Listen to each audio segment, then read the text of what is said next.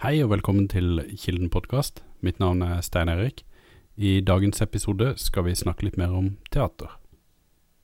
Ja, hei. Eh, jeg heter Endre Sandnes Hadland og jobber som dramaturg eh, for Kilden teater.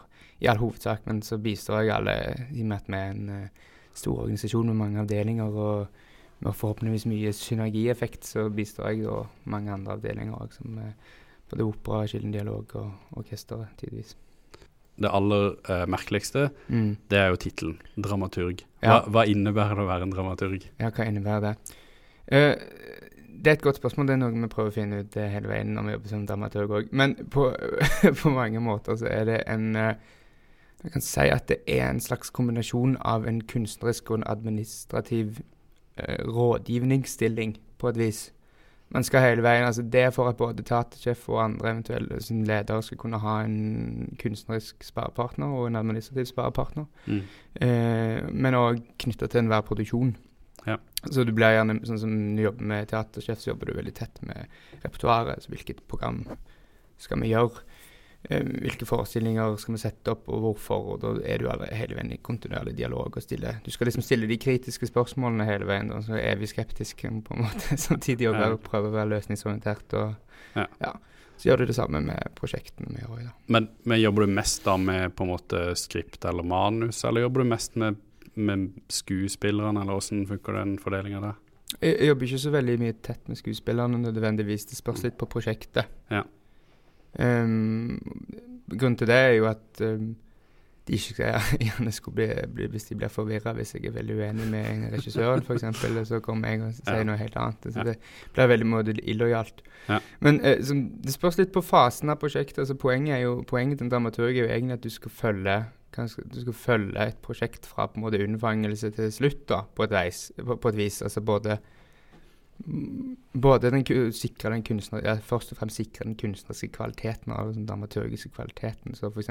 spørsmålet om å jobbe mest med tekst. Jobber jo veldig ofte med tekst innledningsvis. Mm. Altså Jeg leser gjerne, for der er utgangspunktet for, for det vi skal sette opp. Om det er et manus eller en bok eller en idé, Ja. så er det ofte jeg som gjør en del arbeid rundt den i unnfangelsen av ideen. Og så når vi begynner på prøvestadiet, så har jeg gjerne bearbeida litt og gjort sånn sammen med regissør, eller Ja. Og så jobber du kontinuerlig tett med de for å Ja, gjøre forbedringer. da. Ja, for eh, hvis du, uh, hvis du Hvis jeg tar opp det som du nevner der eh, det, Når jeg leser litt opp på det, så, så ser jeg at det er to forskjellige typer roller. Du har noe som heter dramatiker og så dramaturg. Ja. Det, går det litt på det Hva er forskjellen mellom en dramatiker og en dramaturg? da? Eh, altså, vesentlig forskjell, egentlig. Dramatiker er jo sånn fancy teaterord for manusforfatter. Ja, ok. Ja. basically. Ja.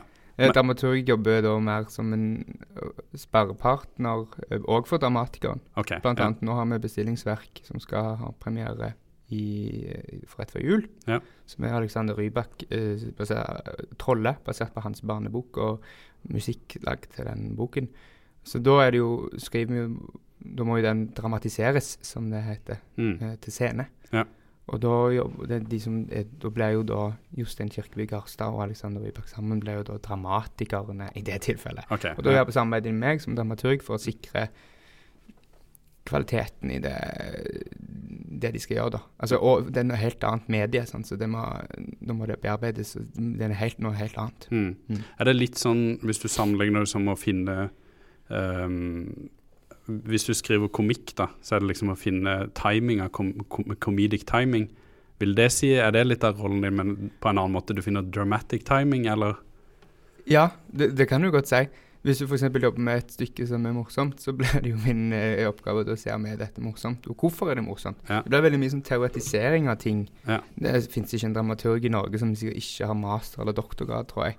Eh, det er sånn, vi er sånn gjeng med nerder Ja. som eh, kan si sånn å, dette er bra, og så må vi si 'fordi' hele tiden. Vi må liksom Ja, være det- sånn irriterende be besserwissere. Er det sånn viste eksempler, typisk? Ja. Dra fram eh, teorien, altså. Ja. Det kan være forferdelig å jobbe med dramaturger, tror jeg. For veldig mange. Nei, men det, det kan jeg forstå. Ja. Altså, de skal, Deres jobb er jo liksom sikre kvaliteten, og da må de ofte være i overkant kritiske og, og sånn hele veien. Så mange kan synes det er Ja, Man kan synes det er vanskelig. De invaderer deres fagområder og diverse. Ja. Er det, er det sånn at uh, hvis du jobber som dramaturg uh, Du jobber både da på scener, altså teater, men du Mm. jobber også med TV og film. Mm. Uh, er, det, er det stor forskjell på det, f.eks. å sette dramatic eller det, å gjøre endringer der? Ja. Det er stor forskjell. Ja. Eh, Det er helt forskjellige medier. Altså Når du snakker film, så snakker du det, Dramaturg er ofte Det er en sånn misoppfatning, eller ikke så misoppfatning, men det er en generell tradisjon for å tenke at dramaturg knyttet veldig til tekstbegrepet. Ja. En, altså tekstnarrativ og sånne ting. Men dramaturgi er jo egentlig Jeg hadde en, eh, en av mine mentorer og veldig anerkjente dramaturger i Norden, som heter Janek Tsjatkovskij. Han ble det hva, spørs- man fikk spørsmålet hva er dramaturgi, Mm. så ble den å svare det er studien, det er studien av kommunikasjon av kommunikasjon. Det er den å si. Ja, ok. Så Ja. Hvis jeg skal oversette det, så betyr det egentlig at vi har eh, evnen til å analysere hvordan kommunikasjon, altså medmenneskelig kommunikasjon, altså film eller teater eller hva, hvordan det kommuniseres Ja. i det mediet det er i. Ja. Så jeg ser mer på egentlig Jeg ser både på selve historien i seg selv, Mm. men, men mer spesifikt i hvordan er det den kommer over til publikum, eller til, de som, til mottakeren. da, Og i teatermediet er jo det publikum. Ja, det, kan det være type ting at du endrer på eh, hvor skuespilleren står, for, For eksempel? Ja. Det, kan, det, ofte, det er veldig ofte sånn Når du nærmer deg premiere og sånne ting, Mm. f.eks. en uke igjen når du kjører masse prøveforestillinger, så blir det veldig mye fokus på sånne ting sånn ja, den, det, Når du ser det i den sammenhengen, så betyr det noe helt annet, fordi at den står der med de klærne på og sånn og sånn, så Mm. tror vi som publikum da at du skal liksom hele veien stikke hull på de Det blir lett å se seg blind på ting når du er instruktør. Ja. eh, Eller når du er skuespiller. Ja. Så min oppgave blir jo da hele veien å komme med ferske øyne og si sånn Ja, Mm. mm. dette, vil, dette vil oppfattes og leses som Ja. og dette vil tolkes som denne måten for et publikum. da. Ja, så Hvis du ser på forskjellen på det, på det å være dramaturg da, i teateret kontra det å være regissør i teateret, Mm. eller ha- regi, eh, hvor stor forskjell er det på rollen der, og, og hvor er det liksom de stopper, og hvor du begynner, osv.? Det, det er ekstremt varierende. Ja. Eh, I noen tilfeller så er det veldig atskilt. Altså Det kan være en sånn at dramaturgen kun skal sitte og gjøre noen strykninger og bearbeidelser i manus på forhånd, og så skal den komme inn en og annen gang og se om den forstår hva stykket handler om, når instruktøren jobber. Ja. Mens andre ganger så jobber han gjerne veldig tett med instruktøren, eller sånn tett med manusforfatter og tett med dramatiker da, fra helt fra starten av. At man må det bli delaktig òg i konseptutvikling og Mm. Jeg tror nok det er vanligere. Ja, Det skiller kanskje mye også på eh, typen teater, også, sånn som når du har en liten forestilling i Intimsalen f.eks., Mm. hvor det er sånn veldig dialogbasert, Mm. kontra stor scenografi og sånt. Nå er det, Mm. Hvor mye tar du på en måte tak i scenografien og det kontra liksom er Har du noen Det er en like vesentlig del som alt annet. Ja, ok, Så du har, du har innvirkning der også? Jeg mener jo mitt. Ja. uh, ja, men jeg, det ble jo oppgaven der, og så hele veien Arbeidsbeskrivelsen som det står i, er jo at jeg skal sikre kvaliteten på dramaturgien i det vi gjør. Mm. Altså dramaturgien, Da må jeg tolke det jeg mener begrepet dramaturgi er. Ja. Det er en veldig snever betydning å tenke at det er bare storyen. Altså da har man ikke Når man ser eh, en film, så er det ikke bare altså, alt, alt er tegn, da. Mm. Og scenografi, eh, hvis det er mye scenografi, så er det jo òg en tenke Det må jo gå i hop med det vi vil fortelle. Ja. Hvis du skulle satt opp eh, et dukkehjem, og så bestemte du deg for at eh, å lage en scenografi som ikke hadde noe med det stykket handler om å gjøre, så må jeg jo gjerne få lov å si noe om det. Ja. For det, da leses det på en helt annen måte. Hvis, du, hvis du vil gå tilbake og se liksom uh, Har du noe sånn spesialitet i forhold til dramaturgi? Er det sånn Har du noen noe epoker du foretrekker foran andre, eller er det sånn du bearbeider alt mulig innhold? Det er et vanskelig spørsmål. Um, jeg vil tro at eh, jeg har en Jeg har nok en, jeg har en spesialisering holdt på å si, fra studiene på et vis. altså Det jeg skrev masteroppgave om, som er jo mer samtidsrettet knyttet til interaktivitetsbegreper. Okay. Altså, Vi ser jo en bevegelse, en tendens i teatrene med at teatrene blir fjerner seg fra den tradisjonelle borgerskaps- eh, som er dette som, eh, nesten som man pleier å si at nå prøver teater tidvis å være filmen, bare de er Mm. mye dårligere til det. Jo, men at de publikum, eh, publikum er ikke i kontakt med de på scenen. Nei. Um, så det er en veldig utvikling i teatret. Så det er jo min, min spes virkelig spesialisering på, på masternivå handla jo mye om det. Ja. Å kunne liksom bli bevisst på det, sånn begreper som heter sånn feedback loop. Og, Er det mer sånn det de kaller moderne teater, da, egentlig? Nei, moderne teater, det er jo Nå skal jo teaternerden min dukke opp. da. Moderne teater er jo på en måte et begrep som er fra 30-tallet. Såpass, ja. Ja. Det, det, det var en sånn periode som heter reteatraliseringen, faktisk. Som er sånn Da, da er det sånn der um, all slags veldig eksperimentelle ting. Det var en, blant annet en fyr som heter Artaud fra Frankrike, som bare reiste til Bali. Og så lagde masse sånn bevegelsesroping og skriking som er veldig sånn spesielt og veldig sånn, este, sånn visuelt estetisk, vel, og lyd òg, Ja. ekstremt sterkt. Ja. Eh, og det er mange som holder på liksom i de tradisjonene der, da. Mm. Så det moderne teater, det er veldig sånn Det er et utrolig vanskelig uh, begrep å bruke. Ja. Fordi hva hva er det? Vi, kan, vi snakker veldig mye om postmoderne teater. om- Ok, ja, så du er, liksom, du er forbi den fasen? Ja, alt er jo Vi er jo i en postmoderne med moderne tid, ikke? Ja, hva, hva er det som Mm. skiller på en måte de forskjellige fasene? For det, da regner jeg med, Er det regnes det som tradisjonelt teater før det Mm. moderne teater? Det, var, det var ikke noe Vi regner det tradisjonelle teater, hvis vi skal si på en måte fra en sånn der, en teaterhistorisk, eh, teatervitenskapelig synspunkt, så, så handler det hvis vi sier det tradisjonelle teater, så er det det som er basert på dramatiske verker, og som, hvor teksten eh, spiller hovedrolle, gjerne sånn psykologiske eh, titteskapsverker, eller aristoteliske verker, du kan kalle det hva du Men et godt eksempel er jo slutten av 1800-tallet Ok. Eh, med Tsjekhov og Ibsen og det, og inn i, som ble litt, som du ser, i slutten av deres karriere og inn i de som kom rett etterpå, Mm. Strindberg og sånn, Ja. så går de litt mer over i en sånn vi kan kanskje kalle det en likestilt dramaturgi, med at ikke teksten nødvendigvis er det eneste som betyr noe. Det er mye annen symbolikk i på en måte hvordan skuespilleren ter seg, hvordan lyden og lyset og scenografien er. Ja, Så hele, hele begynnelsen av 1900-tallet, på en måte en omveltning som skjedde Ja. i Europa spesielt, og på den tiden, bærer sitt preg i teater òg. At det, de ville finne teatrets autonomi, og ikke være et talerør for litteraturen. For det er det det var i en sånn vestlig borgerskapsgreie det hadde vært da i mange hundre år, helt siden 1500-tallet. egentlig. Ja, så mer eller mindre bare sånn opplesning av tekst? ja, Jo, jo. Ja. Og det var sånn de jobber. Altså, du kan se eh, Hvis du ser f.eks. Ibsen, som, som er en fremragende dramatiker, men han begynte jo sin karriere som eh, teatersjef, faktisk. Eller sånn tidlig så ble han relativt tidlig så ble han teaterinstruktør og teatersjef i Bergen. Ok.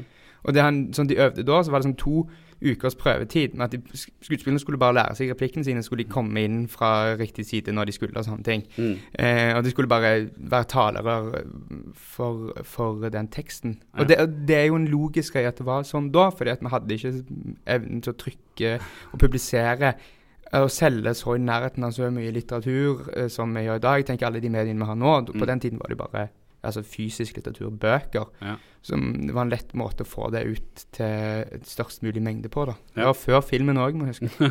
ja, det stemmer det. um, jeg tenkte jeg kunne ta dykke litt tilbake og se sånn som uh, Du nevner det med utdanninga du tok i, i Danmark. Ja. Uh, Hvordan havna du inn på det sporet, egentlig? Hva, hva gjorde at du tok dramaturgiutdannelse?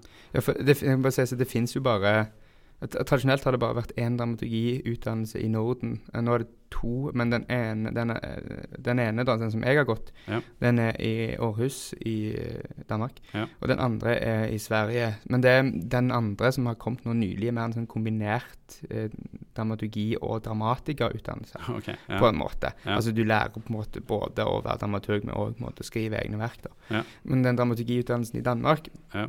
den er jo eh, Den er hovedsakelig knytta til teater. Ja, det, vil du si at det er en veldig sånn tradisjonell utdannelse der, eller? Nei, absolutt ikke. Nei. Altså Det er jo en tradisjonell utdannelse i form av at det er en universitetsutdannelse med de kravene som kreves uh, på den måten. Og, uh, men de som er der, mange av de lærerne som har vært der opp gjennom åra, liksom, utdannelsen virkelig tok uh, Begynte med en på sånn 70-80-tallet var det den virkelig ble en sånn tungvekter. Det var en serie av, av teaterinstruktører og teaterpedagoger, mange dramapedagoger, som, som utvikla denne tradisjonen, som de kaller det bare Århus-tradisjonen, egentlig. Okay. ja. Jan Erik Tsjatkovskij, som jeg nevnte innledningsvis, var kanskje den, det mest kjente navnet fra den perioden. Ja. Um, og de er jo nå snart pensjonister, da. Ja. Eller mange av de har vært pensjonister, mange av de har gått av med pensjon. Men, men Eh, setter det på en måte preg på teaterforestillinger fra dramaturger som kommer fra den skolen? Er det så kraftig, på en måte? Og det ble veldig Jeg tror, jeg tror kanskje det. Ja. På, et lit, på et sett. Jeg tror på mange måter av at den Det er veldig mange av dramaturgene i Norden, kanskje spesielt i Norge og Danmark, Ja. som har sin bakgrunn fra den utdannelsen. Mm. Altså, de all, det er mange. Ja. Eh, noen har jo selvfølgelig også gått eh, teatervitenskap, eller noen har litterær bakgrunn, og noen har gått i USA eller England eller Tyskland. Men veldig mange av mine sånn, kollegaer på andre teatre eller i det frie feltet er utdanna der. Og det er det klart at det er jo ikke Det vil nok uh, påvirke hva som de vurderer som uh, ja, kvaliteter. Ja, Ja. Så blir det litt sånn skandinavisk eh, teater, på en måte?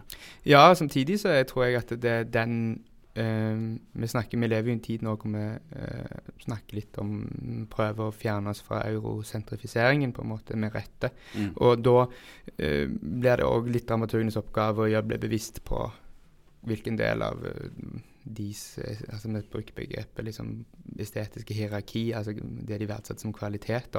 Ja. Er det, hva er det som stammer da fra en sånn ideologisk, vestlig ideologisk eh, synspunkt? Eh, hvor er det, veldig, hvordan, på hvilken måte blir vi farga av det, på et Mm. vis? da? Ja. Eh, og prøve å, Ja, det, det blir viktig å Vi skal også stikke hull på oss sjøl. Mm. Det er en veldig viktig ting som dramaturg. Eh, Mm. Hvorfor syns jeg dette er bra?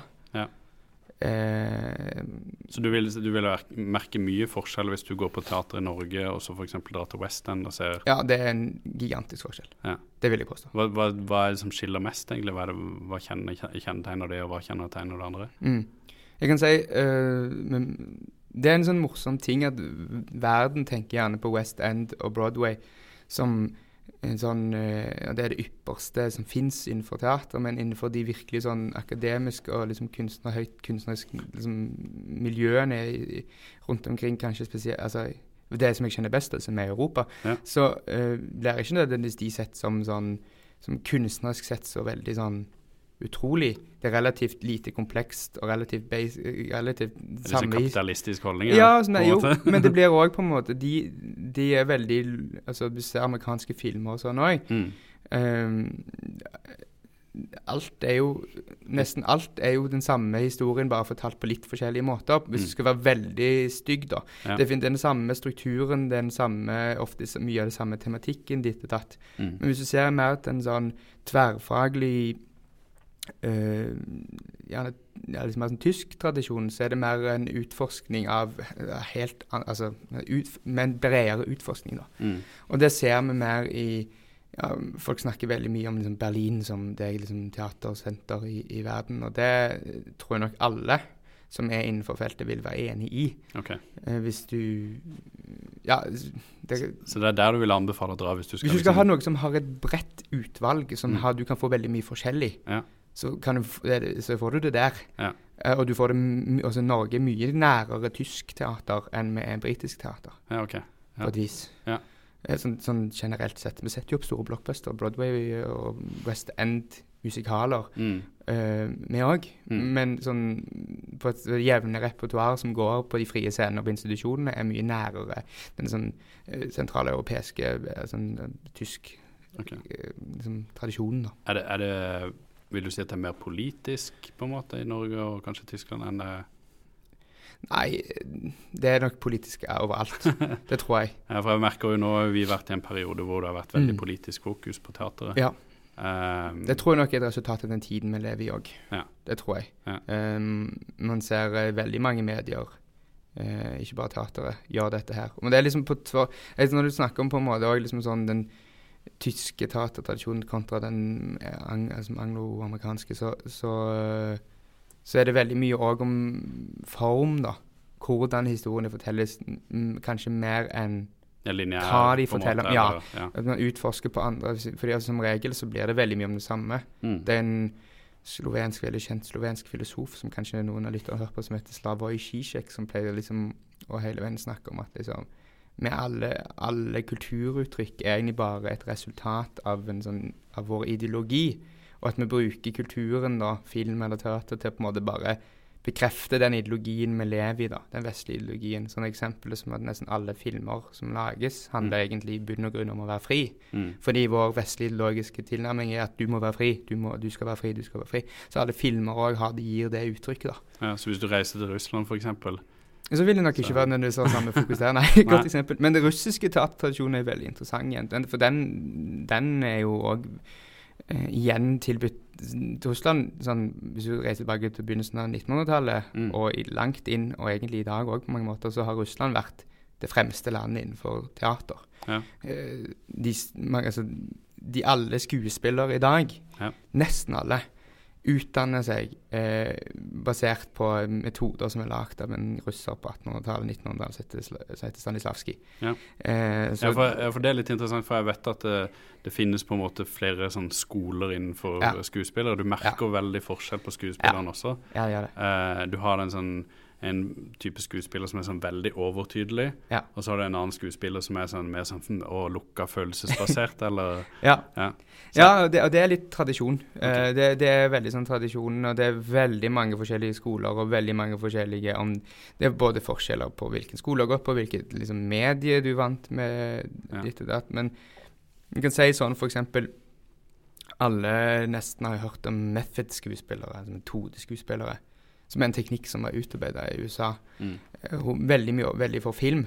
Men den, den metoden igjen er basert på, på Stanislavskij sin metode, okay. som var nesten 100 år før den tid. Ja. Som har gått i flere tradisjoner. altså det har vært, Han som hadde elever igjen altså Tostonodov var en av de som har liksom tatt hans eh, teorier og omsatt de til sin pedagogisk modell, som har blitt undervist på bl.a. Norske teaterskolen si, siden 90-tallet, 80-90-tallet.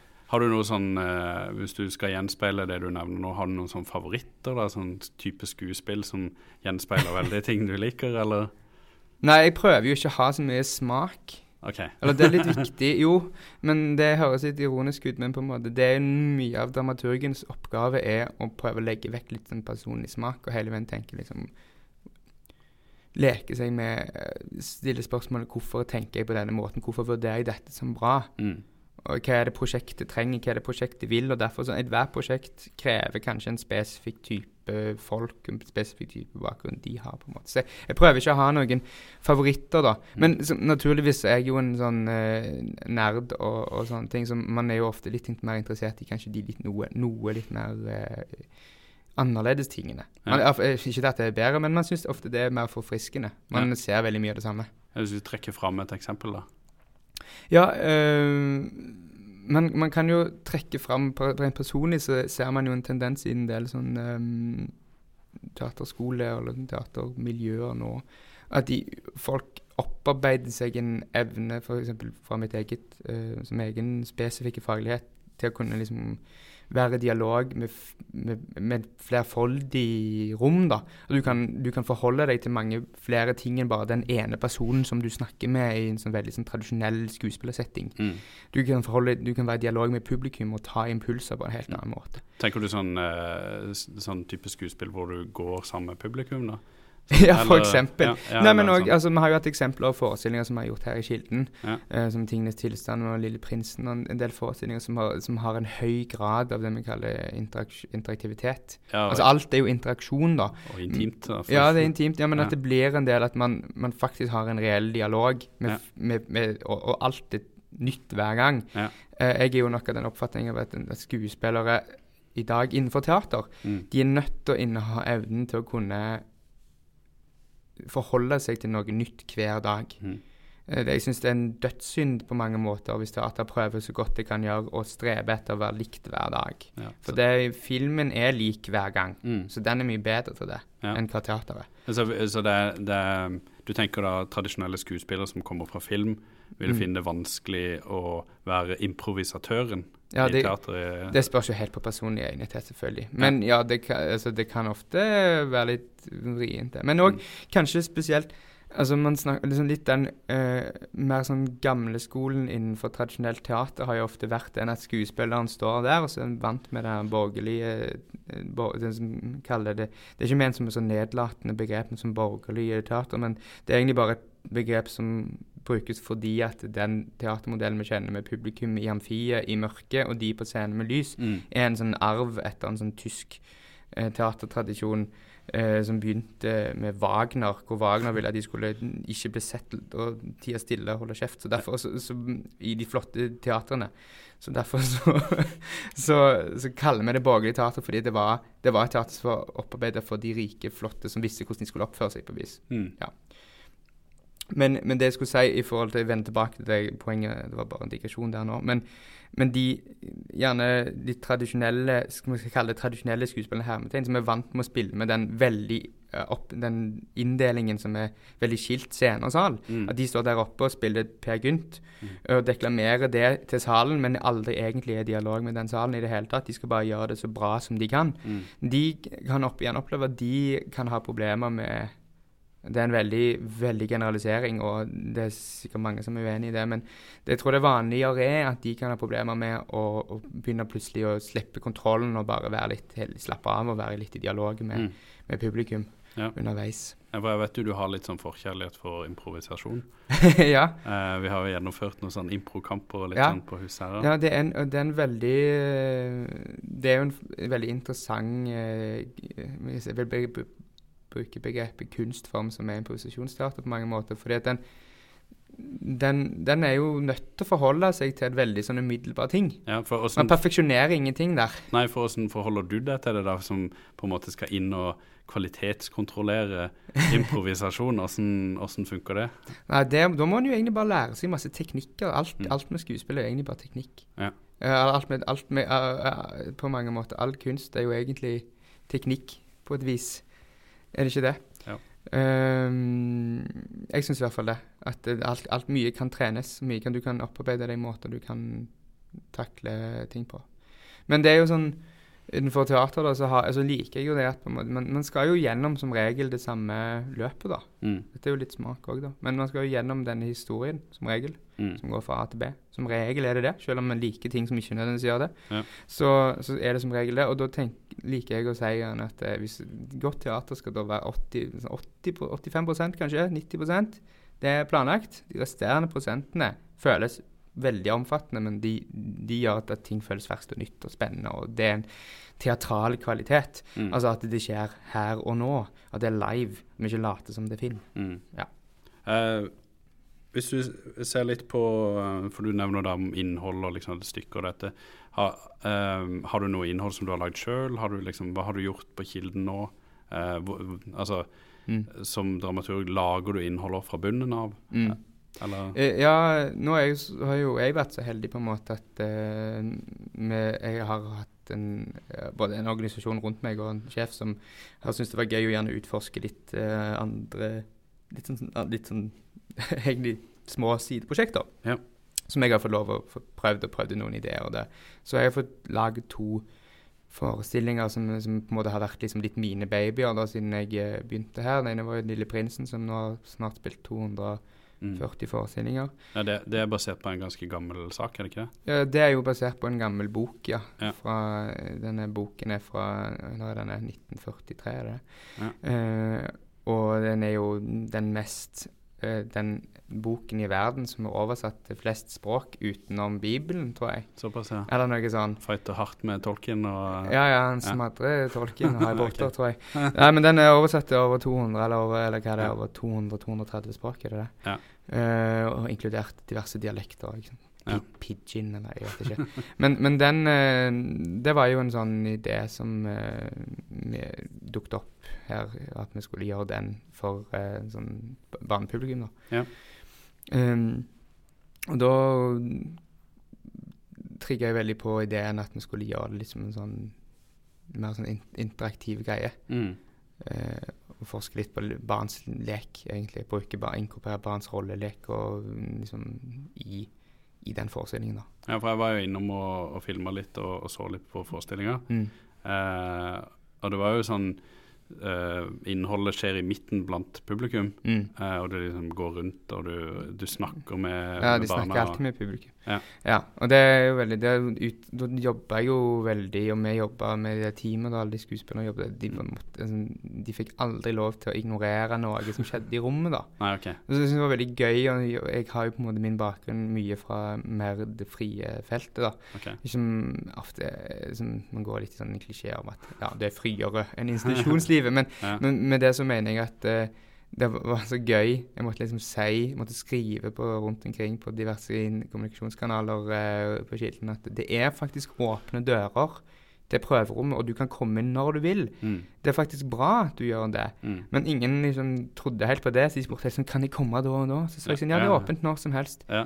Ja, men hva tid passer det? Ja, når som helst. Du kan komme eh, nå. ja, for du er litt vant til at det når dørene lukkes 15 minutter før. Dunk, Ja, ja. sitte ned. Ja. Og det er ofte For mange er det veldig bra. Mm. I mange forestillinger krever den, eh, den roen og den arbeidsroen, på en måte. Men i den forestillingen så var det viktig at de kunne tåle en varm form for, for eh, ting som kunne ødelegge for deres konsentrasjon, eller noe sånt. Mm. Eller publikumskonsentrasjon, på en måte. Hvis det kom en person inn i rommet, så måtte de reagere på det. Mm. Så jeg pleide å si sånn Ikke lukk dere inne. Altså, må, må som si det til dem, for at nå så jeg at de la, lata som de ikke hørte på. Men jeg så at de hørte det. Eller jeg så at de så det. Eh, Eller merka det. Så det var en sånn var en utforskning av det, da. Ja. For barn, de sitter altså, Så de slenger vel ut ja, spesielt de yngste barna har ikke forstått helt den teatrale kontrakten, den borgerlige teatrale kontrakten om å holde kjeft når du sitter i den mørke salen. Mm. Uh, så, så de sitter og snakker med dem liksom, Mm. hele tiden. Ja. Og da prøvde jeg jo bare opp. Altså, det skal de skuespillerne være med på. De skal kunne svare de og være i dialog med de. Ja, for det, det minner litt om uh, en del uh, standup-komikere, ikke sant? Som, Ja, bare- Standup-komikere er mye bedre enn skuespillere på dette her. Det er det, ja. Ja, de er mye bedre enn det. ja. Jeg var Eh. jo jeg var på standup nå i helga og Ja. med Dara O'Brien. Ja, Uh, og han bare, når noen lager lyd i salen, så er han Ja. på det med en gang. Og det er veldig interessant å se på en måte interaksjonen mellom scene og publikum. Ja. Og de blir så satt ut av det. ja men det er det. Så- Virkelig gode altså Nå sier jeg det var veldig generaliserende, sier standup-komikere er mye bedre til det. Ja. Uh, det er absolutt ikke sant. Men, men jeg tror at mye av grunnen til at noen standup-komikere blir veldig gode, er deres evne til å ta inn så mye som foregår. Mm. eh, skuespillere ofte, da Det er også i forhold til at de må være tro til den forestillingen, den oppgaven de har hatt. Mm. De, det kan være en tendens at de er så opptatt av å få det bra til. At nå skal du føle bra, nå skal du spille bra, ha en god prosess, og du skal, skal være så, folk skal grine og sånne ting. Og det krever en mengde konsentrasjon. Så man er så redd for å, liksom, at uforutsette ting skal skje. Eh, og noen forestillinger vil kreve det. Mm. Film vil kreve det. Mm. Eh, men jeg syns jeg da rent personlig synes at det kan ofte, ofte kan være en, en teatral mulighet og en sånn styrke at uforutsette ting skjer. Mm. Og du skal ha evnen til å kunne ta inn det og bruke det. Så det er skapt et øyeblikk med, mellom deg og publikum som bare de fikk oppleve, som er en veldig sånn sterk ting. Ja. Det tenker jeg Hvis du er som publikum der du, du, du plutselig snakker til skuespillerne, ja. de responderer tilbake, Ja. så blir det plutselig en veldig sånn privat ting. Ja, det blir veldig privat ting, og alle andre tar del i det òg, og det føles Mm. veldig sterkt for de òg. Ja. Det er helt uh, det, det, det er nesten, sånn, nesten målbart. Ja. på en måte. Du kan, du, kan, du kan spørre folk om det. på en måte, Hva likte du best? Ja, det var det øyeblikket når det, det skjedde. Ja. Så det er en veldig sterk ting. Du nevnte også at du har et annet stykke også som du gjorde. Mm. Eh, hvordan, eh, hvis du forteller litt om det, hvordan var det i forhold? Og, Ja, det var, det var noe helt annet. Det var et stykke som heter 'Skilpadder hele veien ned' etter det. Mhm. Eh, Det var jo egentlig en begynte som, som en stor institusjon. Så har vi, hadde vi samarbeid med det som heter Dramatikkfestivalen. Det var i 2017. Det var ikke så lenge etter jeg hadde begynt her. Ja. Og da er det sånn at Dramatikkfestivalen, da skal, du, da skal de spille i Oslo da, en periode på en par dager. Så skal det spilles eh, utdrag og, eh, og hele visninger av eh, helt ny dramat, norsk dramatikk. Mm. Så for de som har glemt hva dramatikk er, så er det en fancy måte å si teaterstykker. Right. Eh, men da, i Dramatikkfestivalen nå, så har de gjerne ti, jeg tror det jeg husker ikke helt nå om det er ti eller tolv mer. Det er ti, tror jeg, dramatikere. Kanskje Mm. det er åtte nå, jeg husker ikke helt. Men ja, en, hånd, en, en håndfull eh, dramatikere som blir valgt ut, Mm. basert på noen søknader og tekster de sender inn, som skal spilles under denne festivalen. Ja. Og da samarbeider denne festivalen med, litt an, med institusjoner. Og Kilden, vi ble spurt eh, om vi hadde lyst til å være med, Mm. og det var noen av de stykkene som hadde blitt valgt ut til festivalen, som hadde lyst til å jobbe med. Og da var det et stykke der som heter 'Skilpadder hele veien ned', Mm. Eh, som ikke er den boken av eh, John Green. Det er ikke den, altså? Nei, det er absolutt ikke den. okay. Fordi mange som trodde det, Ja. eh, men den kom etter, ok. eh, faktisk. Men tittelen 'Skilpadder hele veien ned', både John Green og Kim Atle Hansen, som har skrevet teaterstykket som vi gjorde her, Ja. De har henta denne tittelen fra um, det som er forordet til den mest kjente boken av Stephen Hawking, som heter 'A Brief History of Time'. Aha, okay. Ja, Det er en anekdote som er i starten av den, eh, den boken. Som er, den er, veldig, den er som ganske kjent. og Det ordtaket har folk hørt. For det, anekdoten handler da egentlig om at det var en sånn forelesning som var holdt eh, på Oxford eller noe sånt, Mm. om en, veldig, en astronom. Veldig kjent en. Jeg aner ikke hvem det var. Men han hadde holdt et foredrag, så sa han sånn der Ja, nei, vi befinner oss her i denne, på den planeten som snurrer, roterer rundt den, noe vi kaller solen. Mm. Og solen eh, befinner seg i et, solsystem, altså et, et solsystem som befinner seg i én arm av galaksen Melkeveien, Mm. som er 26 000 lysår Mm. unna midten av vår galakse, og 26 000, li- omtrent like langt ut til enden, og det er over 1000 milliarder eh, galakser, ja, stjerner i galaksen, og galaksen er over 1000 milliarder stjerner, galakser, eller hva det han sier. Mm. Masse sånn om hvor stort kosmos er. Mm. Hvor han blir da avbrutt av en eldre dame. Så sier han sånn som, Nei, hun sier at eh, Nei, men det tror jeg ikke på. Den er jo åpenbart at jorda er flat, og så ligger han oppå en skilpadde. Ja. Og så sier astronomen ja, men hva er det skilpadden står oppå? Så svarer den gamle damen å, du er lur, du. Men det er skilpadder hele veien ned. Ja. Ja, Så det er bare der tittelen kommer fra. Mm. Og så spinner du da en sånn resonnementsrekke av det, men det går jo ikke med den skilpadden hele veien ned og så videre. Men det var det sånn eh, planlagt god timing med Flat Earth, eh, Earth Society, eller er det bare Kanskje derfor det ble skrevet. Ja. Kanskje derfor han skrev det i utgangspunktet. Ja. Altså at det, man, skje- man, man ser en tendens til eh, at folk eh, ikke klarer å forholde seg til den vitenskapen som vi, vi som menneskehet faktisk da vet er sann. da. Mm. Man lever i en sånn tid som en sånn ja, vi snakket, Jeg snakket tidligere om en sånn postmoderne tid, og, og, og da kan vi gjerne snakke om at sånn, alt blir så ekstremt relativt hele tiden. Mm. Eh, og da glemmer vi litt hva Vi tenker at liksom, ja, men for meg så er ikke det noe sant. Men, Mm. men den vitenskapelige metode handler ikke om deg som individ. Det handler om noe som har blitt testa Mm. eh, en type millioner av ganger, Mm. ofte. Og aldri blitt motbevist. Ja, for det er jo sånn her Det vokser og det gror så mye konspirasjonsteorier Ja. av internett. Ikke sant?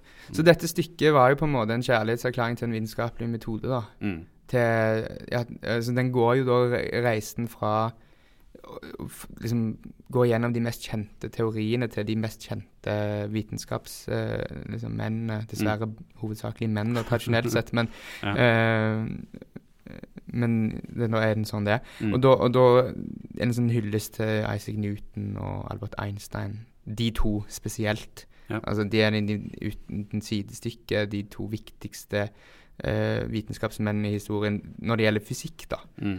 Uh, og så finnes det òg folk som Nikolai Tesla, som har jobba uh, og som også har vært Men han, han er ikke innenfor dette stykket.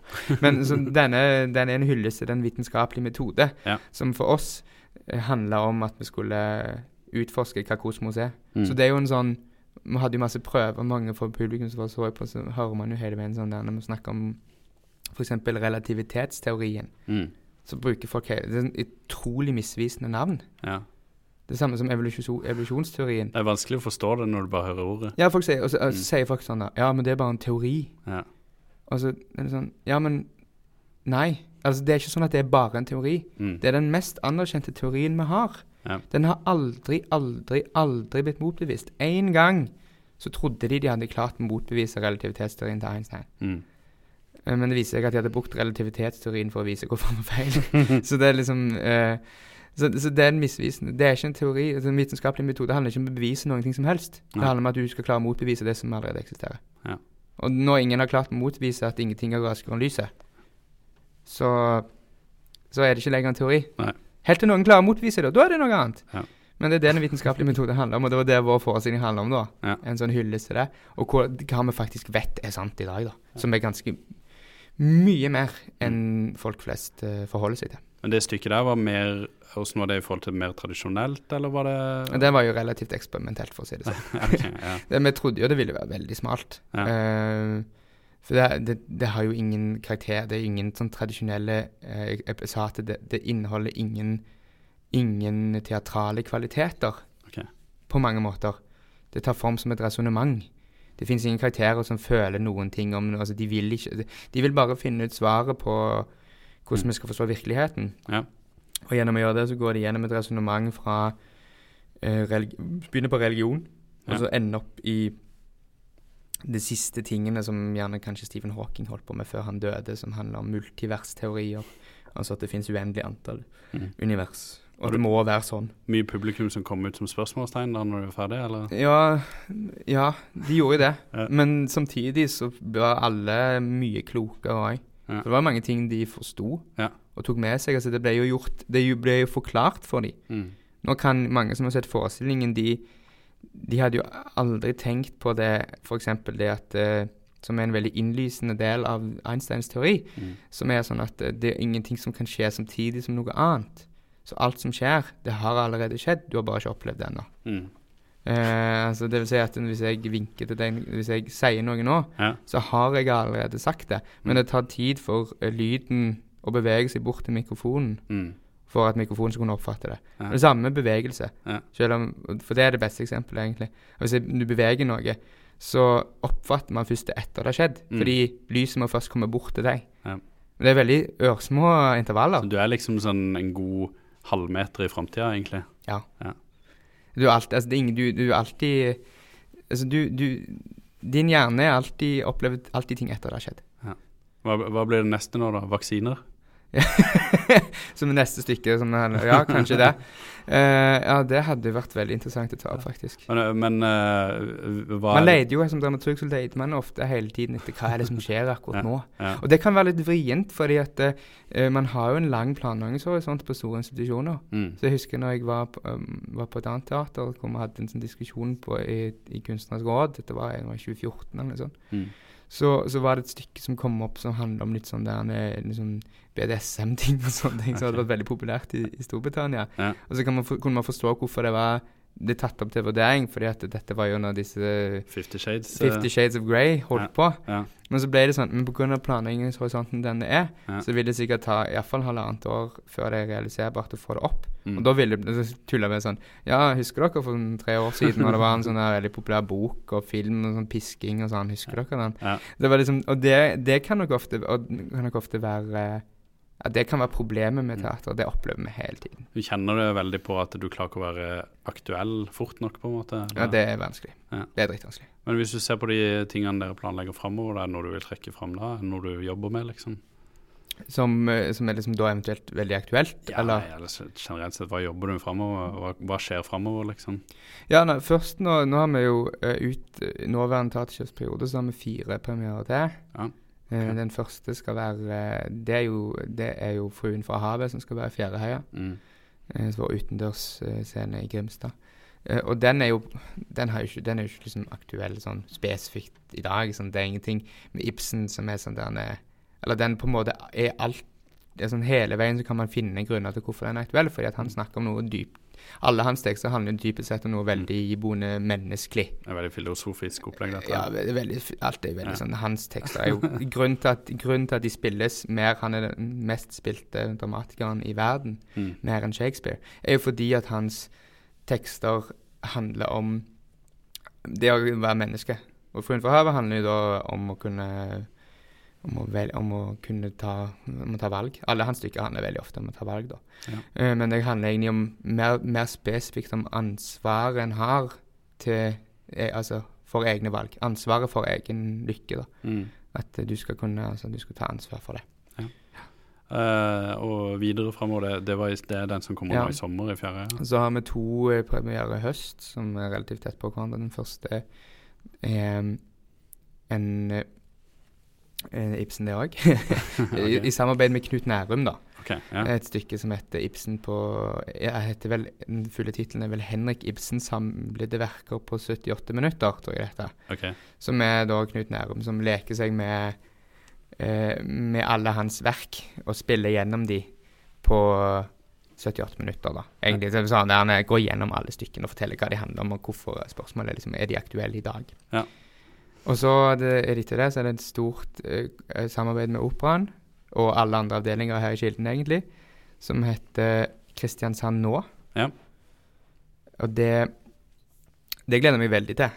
Det vil være noe helt altså Da snakker vi om noe som ikke er klassisk. Ja, for tittelen sier meg ikke så mye. Nei, eh, den er kanskje litt uh, Men det, det, den handler om det. Er det, er det, det handler nå. om, det handler om Kristiansand nå, Ja. på mange vis. Og den går inn i en veldig på en måte bredspektret analyse eller fors utforskning av hva Kristiansand er i dag. Mm. Og det er veldig sånn tverrfaglig. Det er musikk, og det er performanceinstallasjoner, det er billedkunst, og det er tekst, nyskrevet tekst. Det er mange nyskrevne tekster. I Mm. hvert fall i utgangspunktet nå har vi vel syv. Jeg tror det kommer enda flere òg. Mm. Um, som skal liksom sette sammen til et sånn stort vandreteaterverk. Så man egentlig skal kunne gå bevege seg fritt og utforske som man vil. Og overalt vil det Mm. finnes flere titalls små sånne perler du kan utforske og dvele seg med så lenge du vil. Ja. uh, eller gå videre. Men er dette et typisk teater som lar dere være mer aktuelle enn andre, kanskje? Ja, altså Du kan favne et mye bredere Fordelen med det rent sånn tematisk sett er at du kan favne mye bredere. Ja. Du kan si at dette handler om så mange ting. Mm. Så man kan utforske dypt, veldig dypt noen punkter og velge å bli i de. Som publikum Og kan man gå og studere dette. og som at Det vil finnes masse det kan man bare dvele ved. Så kan man også prøve å favne så generelt til dette, som om sånn utsnitt av Kristiansand i dag, som er litt mer sånn generelt. Ja. Så du får valget da på mange måter. Ja. Vi, gir, vi gir på mange måter Det er en sånn kan, jeg, jeg, pleier å, jeg pleier å si det at mm, publikum i dag er ofte gjerne litt ute etter forestillinger eller dramaturgier som skal løses fremfor å leses. Og med det så mener jeg at de, de vil ha en eller annen De vil kunne ta noen valg. Mm. Men de lever i en sånn medial tid med internett og gaming som er en sånn der de, de har lyst til å styre litt og velge sjøl. Ja. Og teatret kan, teatret kan jo gjøre det. Teatret er virkelig gode på å gjøre det. fordi at når vi er i det virkelige liv, så vi er ikke, vi er ikke ramma inn av koder. Vi er, ikke, vi er ikke algoritmer som styrer at du kan bare velge mellom A og X. Mm. Eh, du, I teater så kan egentlig sånn, kompleksiteten i teater er mye høyere enn i dataen. Så her kan du gjøre hva du vil, Mm. egentlig. I, i, ypperste forstand. Alt som er mulig, det kan du da gjøre i teateret. Ja. Det kan du ikke gjøre i dataspill. Blir det en sånn blanding av ikke-lineært og improvisasjon, dette? Ja, det òg. Ja. ja, det er ikke lineært i utgangspunktet, ja. Ja. Altså, den, er- den, det, det finnes noen lineære ting Ja. eh, som vil dukke opp. Uh, for å prøve å knytte litt ting sammen. Ja. Eh, og det vil òg finnes noen verk som oppleves alle samtidig, da. Ja, ok. Eh, men så vil det knyttes veldig mye sammen av eh, musikk. Et musikkverk som er skrevet av en som heter Magna Aam. Ja, okay. Bestillingsverk. Som er, han er en fantastisk komponist. Spennende. Og så det siste premieren igjen nå, Ja. det er den som jeg nevnte tidligere, som er en Alexander Rybak eh, barneforestilling, juleforestilling, som heter 'Trollet'. Ja. Som er en sånn klassisk musikal som er for hele familien. Som er veldig sånn Ja, veldig fin og en varm, varm historie som folk kan kose seg med før, eh, før jul. Skal vi eh, prøve å runde av? Jeg har et siste spørsmål. Ja. Hva syns du om siste episoden av Game of Thrones? Ja, hvor mye tid har vi? du så den aller siste som kom? eh, Ja, ja. det er jo spoiler da for de som eh, ja, det er en sånn stor på. spoiler warning akkurat nå. Ja, så hvis dere ikke har sett episode fem av uh, sesong åtte av Game of Thrones, mm. så kommer da dramaturgens faglige vurdering av den nå. Ja. Så Jeg, jeg er spent. Nå er jeg spent.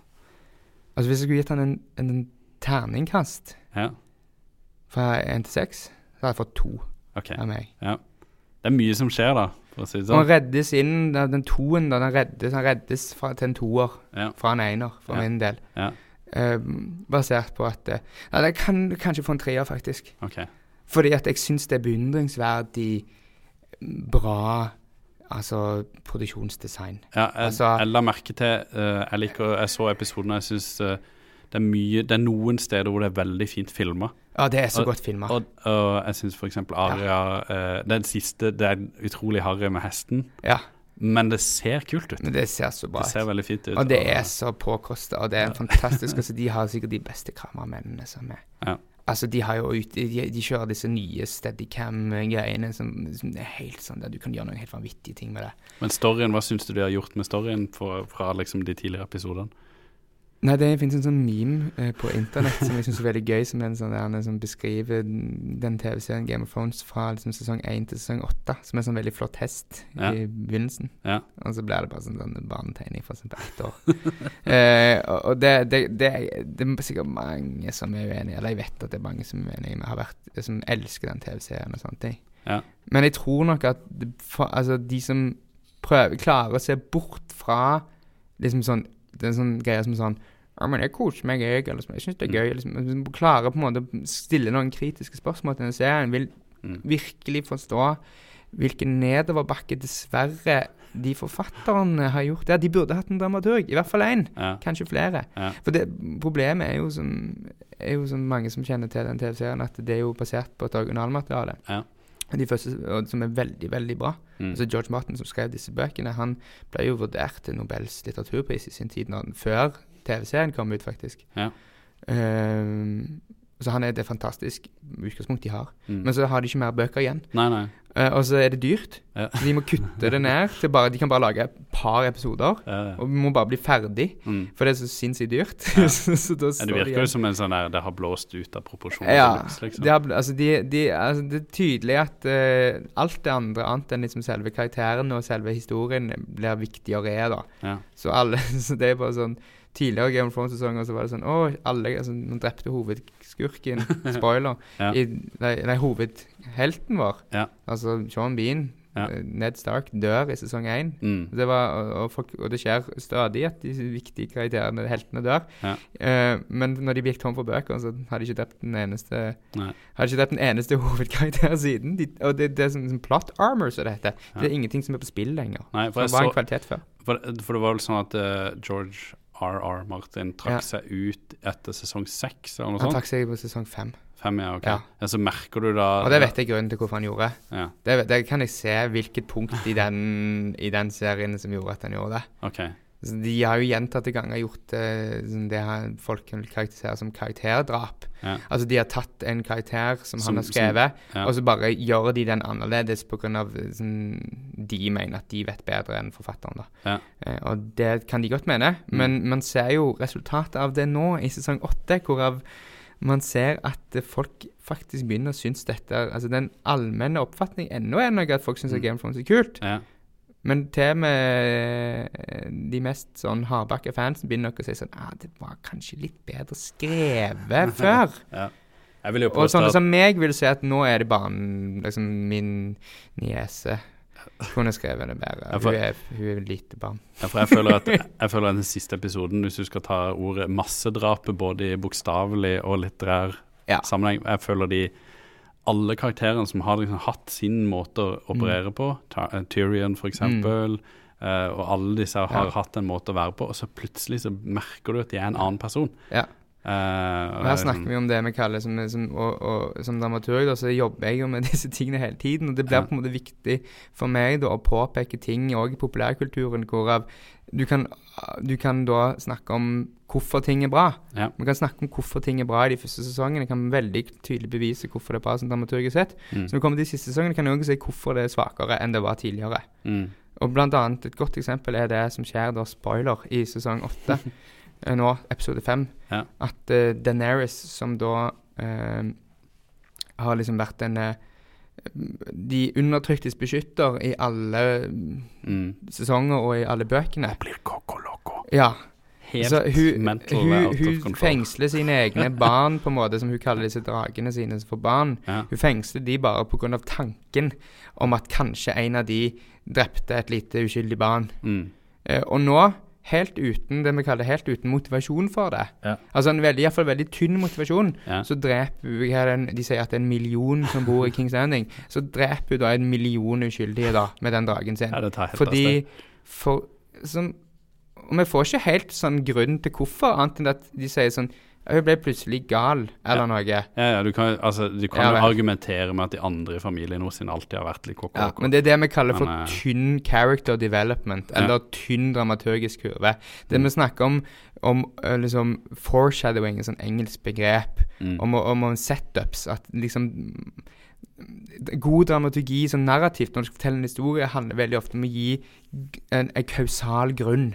Kausal vil si at en, A- en A følger B. Mm. At den, den neste tingen, som i livet, er, kommer som en konsekvens av det som skjedde før. Ja. Det liker vi i historiefortelling. Ja. Da gir det mening for oss, for det er sånn livene våre er. Når du da plutselig sier at eh, det som skjedde rett før, hadde ikke noe betydning, for nå kommer noe helt annet, helt ut av det blå. Mm. I verste tilfelle kaller vi det for deus ex machina, som er et begrep fra fra liksom, antikkens teaterstid. Ja. Som var sånn at ah, Nå visste de ikke helt hvordan de skulle løse stykket, så sa de bare at nå kommer Gud ut av maskinen, og så redder, stopper Gud alt, og så går, går det bra. Uh, divine intervention. Ja. Yeah. Divine intervention. Det er jo seksmakene. Yeah. Og det, det er det motsatte av kausalitet, egentlig. Det vil si at du bare Plutselig sier du sånn no. Ja, men nå glemmer vi alt vi gjorde før, og så Mm. bare sier vi at nå kommer Gud inn, og så, så blir det noe annet nå. Ja, fordi jeg så, Det er jo litt sånn meme, det også. sånn At uh, de regissørene i et intervju sier at hun, hun glemte at uh, hele Ja. flåten Ja, At de sa det. Ja. Uh, de sa uh, she's, uh, she's kind of forgot about the Iron okay. Fleet at this point. Så nå kjenner jeg at det kind of forgot er blitt en sånn Jeg kan skal begynne å si det. det. Det liksom. skal være min begrunnelse hvis vi får en dårlig anmeldelse i Kilden. Ja, Ja, vi glemte litt at uh, det, logikk var Ja, ja. skjønner. Det, det, ja, nei, du beskriver Så det det var en godt. dramaturgisk eh, analyse av de siste sesongene av det som fortsatt er en fin serie på mange måter. Mange fine kvaliteter nå. Men så var en veldig bra serie. Dessverre. har blitt veldig dårlig skrevet, dessverre. En episode igjen, for å se om han redeemer seg Ja, sjøl. ja, men de har ikke tid. Nei, det tror ikke jeg heller. Det skal mye til for å fikse dette. Ja. Kom på Yes. teater heller. Men da, da takker jeg for intervjuet. Jeg føler at vi har gått akkurat eh, perfekt lengde, så jeg syns vi skal bare klappe sammen og si oss ferdig med dette. ja, det var Mm. veldig hyggelig å sitte og snakke faget mitt. og Nerde litt i vei. Ja, Tusen takk for besøket. Bare hyggelig.